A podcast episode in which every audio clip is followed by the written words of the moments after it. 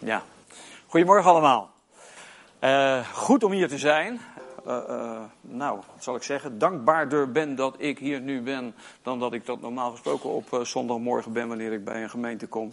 Ik stond namelijk bij het gebouw waar ik de laatste keer gesproken heb. en ik dacht, wat is het rustig? Er komt geen kip, ze weten allemaal dat ik kom. En verder niemand. Er was één mevrouw, die liep daar met een hondje en die heb ik gevraagd en die wist nergens van. Uh, ik ben rondgereden, rondgereden, zeven keer rondgereden. Bleef staan gelukkig. Maar uh, er was een zekere mate van spanning, dat geef ik toe. Uh, maar het is allemaal goed gekomen. En dus ik ben heel dankbaar dat ik vanmorgen bij jullie te gast mag zijn. En dat we een dienst hebben met van alles en nog wat. Onder andere mogen we samen ja, vieren met brood en wijn en dankbaar zijn voor wat de Heer Jezus voor ons gedaan heeft.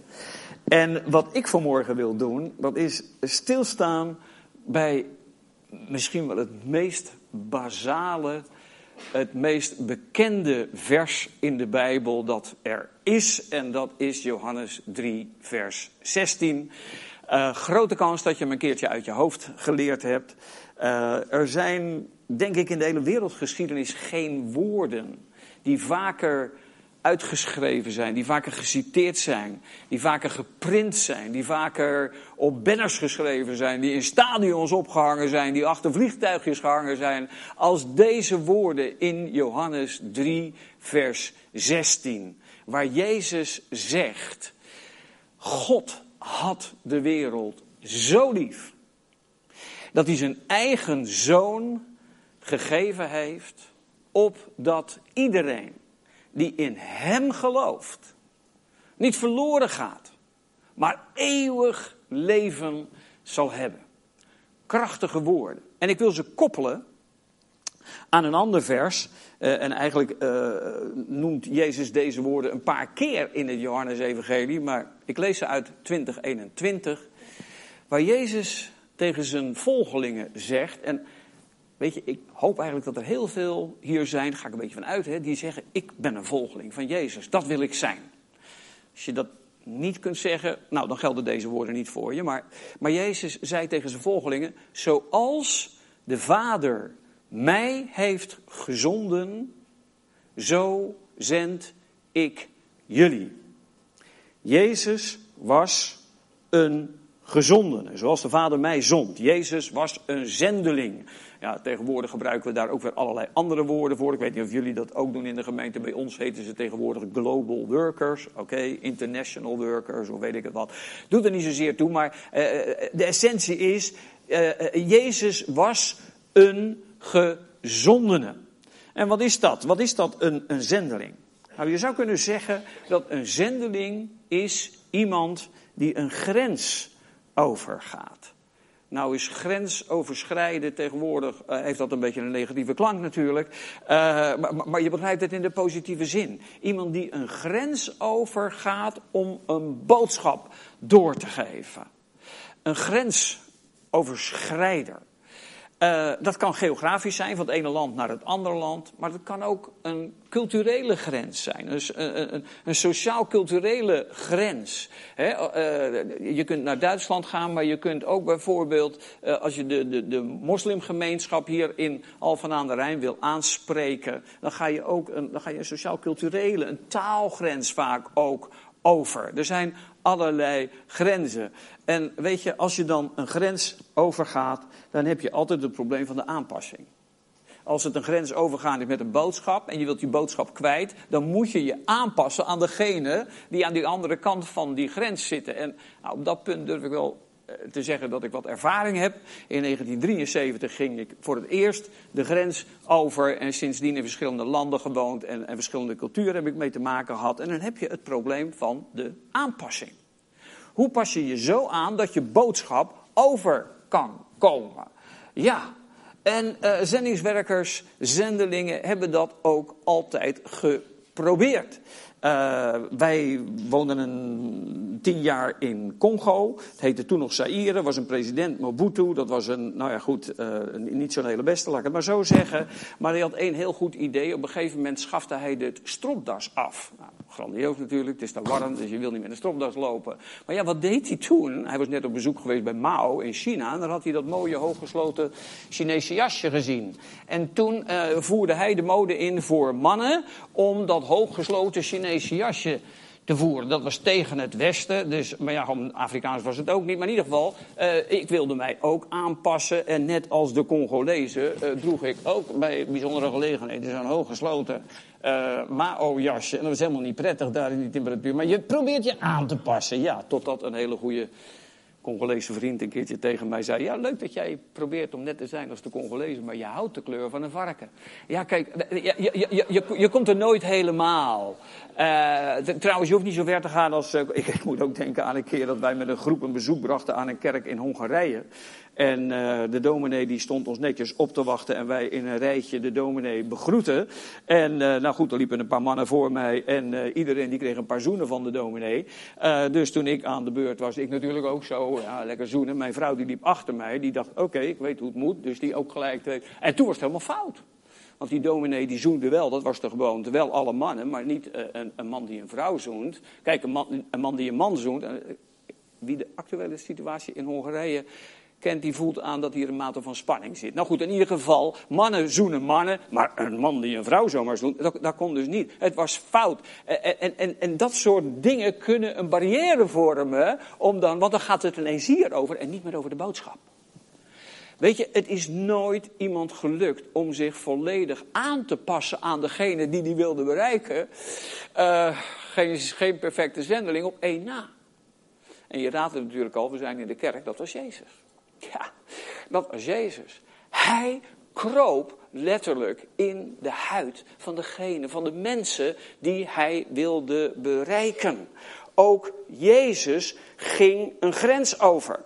En dan niet een grens van, nou, noem eens wat, van Nederland naar Tajikistan of zo. Nee, hij ging de grens over van de hemel naar de aarde. Van de hemelse sferen naar de mensen wereld. Kijk, dat is nog eens een grens. Jezus was een grensoverschrijder, maar deed dat op perfecte wijze. Het woord werd vlees, dat staat in Johannes 1. Uh, als je Johannes begint te lezen, dan, dan zijn die eerste versen best wel een beetje ingewikkeld. Maar ze geven een prachtige beschrijving van wie Jezus is. Wie was dat die uit de hemel kwam? En hij wordt daar aangeduid als het woord van God. En dan in die eerste verse, daar schildert Johannes uh, met zeven streken, als het ware, een schilderij, een portret van wie Jezus is. En dan zegt hij in de eerste plaats, in het begin was het woord. Voordat alles begon, was hij er al. Hij was eeuwig. En dan staat er, en hij was bij God. Hij was tegenover God. Het was een persoon over wie wij het hebben. Maar dan in de derde plaats staat er, en hij was God. Het is een goddelijke persoon waar we het over hebben. En dan wordt er gezegd dat alles is door hem geworden. Hij is schepper. Hij schiep de dingen. Hij riep het, ja, daar komt hij, tot leven. Want dat is het volgende in het woord was leven. Hij schiep niet alleen maar dode materie, maar hij blies het de levensadem in. En, en als hij dan geschapen heeft, dan volgt het zesde. En hij was het licht in de wereld. Hij lichtte voor. Dat wat hij schiep, gaf hij een pad. Hij lichtte het voor. En dan kom je bij nummer zeven. En dan staat er deze persoon. Die grandioze, grootse, eeuwige persoon is vlees geworden. Is mens geworden. Ja.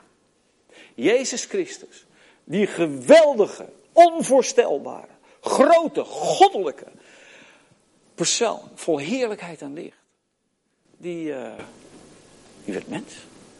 ja, en uh, hoe ging dat? Nou, hij kwam van zijn troon Maar hij kwam niet met een kroon. Nee, nee. Eh, hij kwam in onze wereld zonder kroon, naakt, weerloos, als een kindje, net als jij en ik. En hij moest geholpen worden. En, en eh, nou goed, we hebben het natuurlijk met kerstfeest gevierd. Maar als ik daaraan denk, ik vind dat altijd ontroerend. Als ik dat tot me door laat dringen. Dat die grote persoon, die, die werd een, een babytje. En je weet hoe het gaat, hè. Die moest geholpen worden, die moest verschoond worden. En dat alles wat ons kenmerkt, kleine weerloze mensen. Zo werd hij. Nou, tegenwoordig als zendelingen erop uitgaan, dan gaat dat een beetje anders. Ze nemen van alles mee. Er gaat een koffer mee, er gaat een camera mee, er gaat een computer mee, er gaat een creditcard mee, weet ik niet wat allemaal. En Jezus, wat bracht hij mee? Niks. Naakt, weerloos, kwetsbaar. Niets. Hij bracht niets mee dan alleen maar zijn missie. En wat was dat dan? Alleen maar zijn missie, want daar draaide het om. En wat was dat? En dat wordt in dit bekende vers prachtig uitgelegd. Het begint hiermee. God had de wereld lief. Ja, dat is allemaal op terug te voeren. Liefde. Het was liefde. God had de wereld lief. Kijk, God had lief. En dat zegt Jezus, als je dat hoofdstuk nog eens doorleest, dan zie je dat hij dat zegt tegen Nicodemus. Nicodemus was een uh, schriftgeleerde. Dat was zo'n man die zijn bijbeltje van voor uh, tot achter uh, helemaal kende. En dan zegt God tegen zo'n man, zegt hij, God heeft lief. Ja, natuurlijk, dat weet Nicodemus dat was niks nieuws. Dat wist Nicodemus vanuit zijn Bijbeltje al lang. God heeft lief. Ja, natuurlijk. Bijvoorbeeld de, de uittocht uit Egypte. Daar laat God duidelijk merken dat hij hield van Israël en leidde het uit de slavernij. Ja, God heeft lief. En het komt steeds terug in zijn uh, bijbeltje dat God lief heeft. En nou goed, uh, de, verleiding is groot om heel veel aan te gaan halen. Maar laat me één hoofdstuk aanhalen. Uh, Ezekiel 16. Daar zie je dat, dat, dat, dat, dat, dat God in zijn verhouding tot Israël zegt: Ik heb je gevonden als een klein kind daar in Egypte. Je was weerloos, je kon niks, maar ik heb jullie uitgeleid. Ik had jullie lief. En dan, dan, gaat. De, de, het zijn allemaal beelden die op elkaar gestapeld worden. En dan zegt en je groeide op en je werd een mooie meid. Sorry, mijn taal, maar zo staat het er ongeveer. Je werd mooi en, en, en, en, en, en ik had je lief zoals een minnaar. Een vrouw wilde minnen. En dan later gaat het beeld verder en dan kantelt het naar. En, en ik heb je Je werd mijn vrouw. En, en, en er spreekt een en al. Het zijn allemaal beelden van God had lief. Nou ja, goed, dat wist Nicodemus allemaal. God heeft lief. Ja, natuurlijk, God heeft uh, de Joden lief. Uh, de Joden zijn het uitverkoren volk. Israël is uitverkoren. En dat ging zich zo ontwikkelen dat Israël meende, dus wij zitten safe. Ja, wij zitten altijd safe, wij zijn de uitverkorenen, God heeft ons lief. uh, Amos die, die, die, die citeert dan ook dat, dat het, volk zegt van God zal ons nooit straffen. Nee, God houdt van ons. Het is een en al liefde. En dan zegt Jezus, ja wacht uh, beste, beste Nicodemus, God heeft Israël lief, maar uh, je moet wel opnieuw geboren worden. Je moet wel opnieuw beginnen. Want je moet wel beseffen, er is iets grondig mis met alle mensen, ook met jou, ook met Israël. Je moet opnieuw beginnen. En dan lijkt het alsof Jezus het bereik van Gods liefde beperkt. Want ja, de Joden dachten, ja, hij houdt van ons allemaal. Van alle Joden zijn uitverkoren. En dan zeg je, je moet eerst geboren worden, opnieuw geboren worden. Dus dan is het alsof hij het bereik van Gods liefde beperkt. Maar het tegendeel is waar. Het tegendeel is waar. Want dat opnieuw geboren worden, toegang krijgen tot Gods, Gods liefde, is niet voorbehouden alleen aan Joden. Nee, niet alleen aan Israël.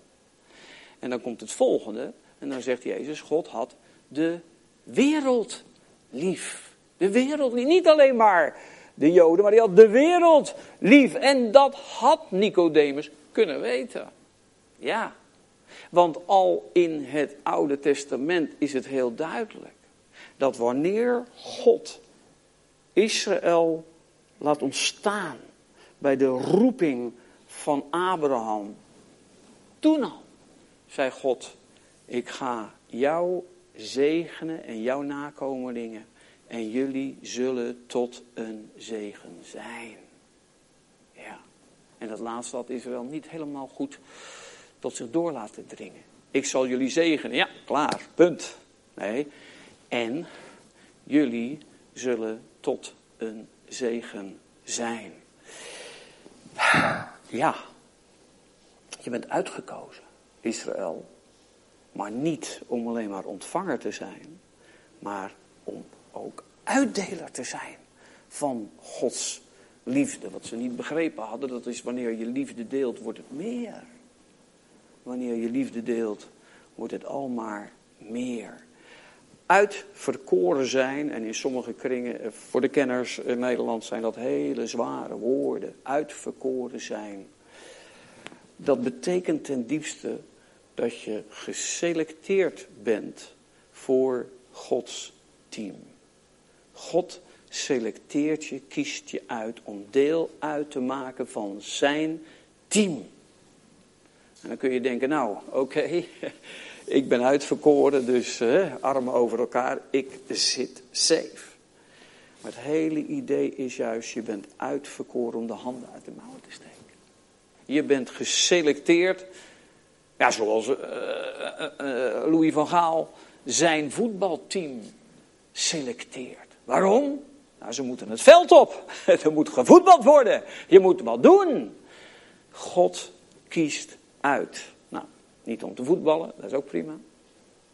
Maar God kiest uit om zegen uit te delen, om het veld op te gaan, om de wereld in te gaan, om zegen te delen. En wij als gemeente, ook wij zijn uitverkoren door de Heere God. Als je opnieuw geboren bent, als je bij Jezus hoort, dan ben je een geselecteerde mens. Dan maak je deel uit van het team van God om zijn liefde uit te delen. Ja. Uh, aan wie? Nou, dan zegt Jezus aan de wereld. God had de wereld lief. Maar ik vind het wel interessant dat hij er dan bij zegt, opdat iedereen uh, niet verloren zal gaan. Dan kun je denken van ja, die wereld, ja, maar dat is veel te groot. Dat, dat, dat, dat kan ik nooit niet aan. Nou, misschien ken je dat voorbeeld van dat jongetje, het is vaak gebruikt, maar het is te mooi om het even niet in te passen, van dat jongetje die die zeesterpen probeerde te redden. Dat jongetje liep langs het strand en die zag eh, nou ja, duizenden zeesterren op het zand liggen. En de zee die trok zich terug. En dat jongetje dacht, ja wacht eventjes, dat is niet gezond voor die zeesterren. Die moeten in zee. En hij begon een zeester te pakken en hem naar de zee te brengen. De volgende en naar de zee te brengen. En toen kwam er een man langs en die zei, wie ben jij mee bezig? Ja, ik probeer ze te Zegt die man, nee, maar er zijn er zoveel, dat lukt je nooit. Dat lukt je toch nooit? Dat is toch hopeloos? Ja, dat was inderdaad al hopeloos. Maar toen keek hij naar die zeester in zijn hand. En toen zegt hij, ja, maar voor deze maakt het wel uit. En hij bracht hem naar de zee. Ik vind het zo mooi dat Jezus zegt, God had de wereld lief. En dan maakt hij het heel klein. Opdat ieder één. En misschien kun jij voor die ene wat betekenen. Maar dan zegt Jezus erbij. Opdat ze niet verloren gaan. Het jongetje dacht, het is mis met die zeesterren. Opdat ze niet verloren. Lieve mensen, uh, wat betekent dat? Opdat ze niet verloren. Dat betekent dus dat mensen die zich niet openen voor die liefde van God, die gaan verloren. Wat betekent dat? Verloren gaan. Nou, uh, ik moest het niet lang maken. Dus ja, uh, ik heb geen tijd om dat uit te leggen. Maar weet je wat belabberde is? Als ik wel de tijd zou hebben, dan zou ik waarschijnlijk ook niet precies weten hoe ik dat nou moet formuleren. Wat is dat verloren gaan? En laat er geen misverstand over zijn. De Bijbel zegt dat iedereen onder de vloek ligt. In die zin, we zijn allemaal zondig, allemaal onvolkomen. En we gaan allemaal verloren als we niet door Jezus ons laten redden. Wat betekent dat nou? Mag ik dan zo samenvatten? Dat het in ieder geval, dat verloren gaan, dat, dat, dat is, ja, hier zegt Jezus, het tegenovergestelde van eeuwig leven hebben. Het tegenovergestelde van het allermooiste, het allerbeste. En daar het tegenovergestelde van. Dat is verloren. En misschien mag ik het nog op een andere manier illustreren. Verloren gaan. Kijk, om je daarvan te redden, gaf God zijn zoon om aan een kruis te sterven. Dus de, de, oplossing laat iets zien van de grootte van het probleem. Toen mijn kinderen nog klein waren, heel lang geleden, liepen we een keertje. We waren aan het wandelen. En ik had mijn mooie zondagse chique kostuum aan. En, uh, we liepen op een landweggetje en daarnaast was een greppel. En een van mijn kinderen, die ging in die greppel meelopen. En wij op de weg en hij in die greppel. Maar die greppel die werd steeds dieper. En op een gegeven moment zegt uh, mijn zoontje, die zegt tegen mij van... Papa, wil je me helpen? Want hij wilde uit die greppel op de weg komen, werd te diep. En uh, ik keek en nou, het was een beetje, een beetje modderig, een beetje zanderig. En ik had een mooi pak aan, dus ik zei nou, hoor eens, loop maar even terug. En dan kun je zo weer bij ons komen. Stel je nou voor. Hetzelfde jongetje. Maar nu is er een kade. Hij ligt in het water, kan niet zwemmen. En hij roept, papa, precies dezelfde woorden. Papa, kun je me helpen? Zou ik ook maar één seconde nadenken over mijn mooie pak? Nee toch? De ernst van de situatie. Hij dreigt te verdrinken. De ernst van de situatie bepaalt de oplossing, de maatregelen die je treft. Weet je, hoe ver ging God? Paulus die zegt ergens, God bewees zijn liefde voor ons. Doordat hij zijn zoon gaf om voor ons te sterven. Toen wij nog zondaars waren. Toen wij nog ja, dreigden te verdrinken. Toen wij dreigden. Zo ver ging God. Wat is er precies verloren gegaan? Ik kan het je niet precies zeggen, maar ik weet wel dat God neemt het zo ongelooflijk serieus. Dat wij het ook maar beter heel serieus kunnen nemen. Maar, zo ver ging Jezus. En dan komt hij. Ik ga even terug en dan gaan we afronden. Jezus zei, God heeft de wereld zo lief gehad. Dat hij zijn enige zoon gegeven heeft. Opdat een ieder die in hem gelooft niet verloren gaan, maar eeuwig leven hebben. Wij zijn uitverkoren met deze kennis. Om als een geselecteerd team dit te delen met anderen. En laten we alsjeblieft mensen niet dezelfde vergissing maken als Israël. Dat wij denken wij zijn uitverkoren. Wij zitten goed. Hè? Punt. Nee, komma. Wij zijn uitverkoren. En dan zegt Jezus, zoals God mij zond, zo zend ik jullie. Hoe zond God Jezus ook alweer? Jezus gaf alles op kwam als een weerloos kwetsbaar wezen in deze wereld om jou en mij te redden van het verloren gaan. En als wij dan zo als Hij gezonden worden, dan komt deze vraag. Hoezeer ben ik bereid om dingen op te geven tot redding van anderen? Hoe kwetsbaar wil ik mij maken? Wil ik zijn om anderen te redden? En die kwetsbaarheid die zit soms in kleine dingen. Die zit, of nou ja, kijk, durf je te zeggen dat je een volgeling van Jezus bent? Durf je iemand aan te spreken en te zeggen van joh, weet je, God houdt van jou. Maar als je zoiets uitspreekt, dan voelt dat kwetsbaar. Bij mij tenminste wel. Ik vind dat best wel een beetje eng. Maar hoe kwetsbaar willen wij ons maken om anderen te laten delen in de liefde van God in navolging van Jezus. Zoals Hij hem zond, zo zendt Hij ons. Om heel kwetsbaar de wereld in te gaan. Om mensen te redden. Voor eeuwig. Amen.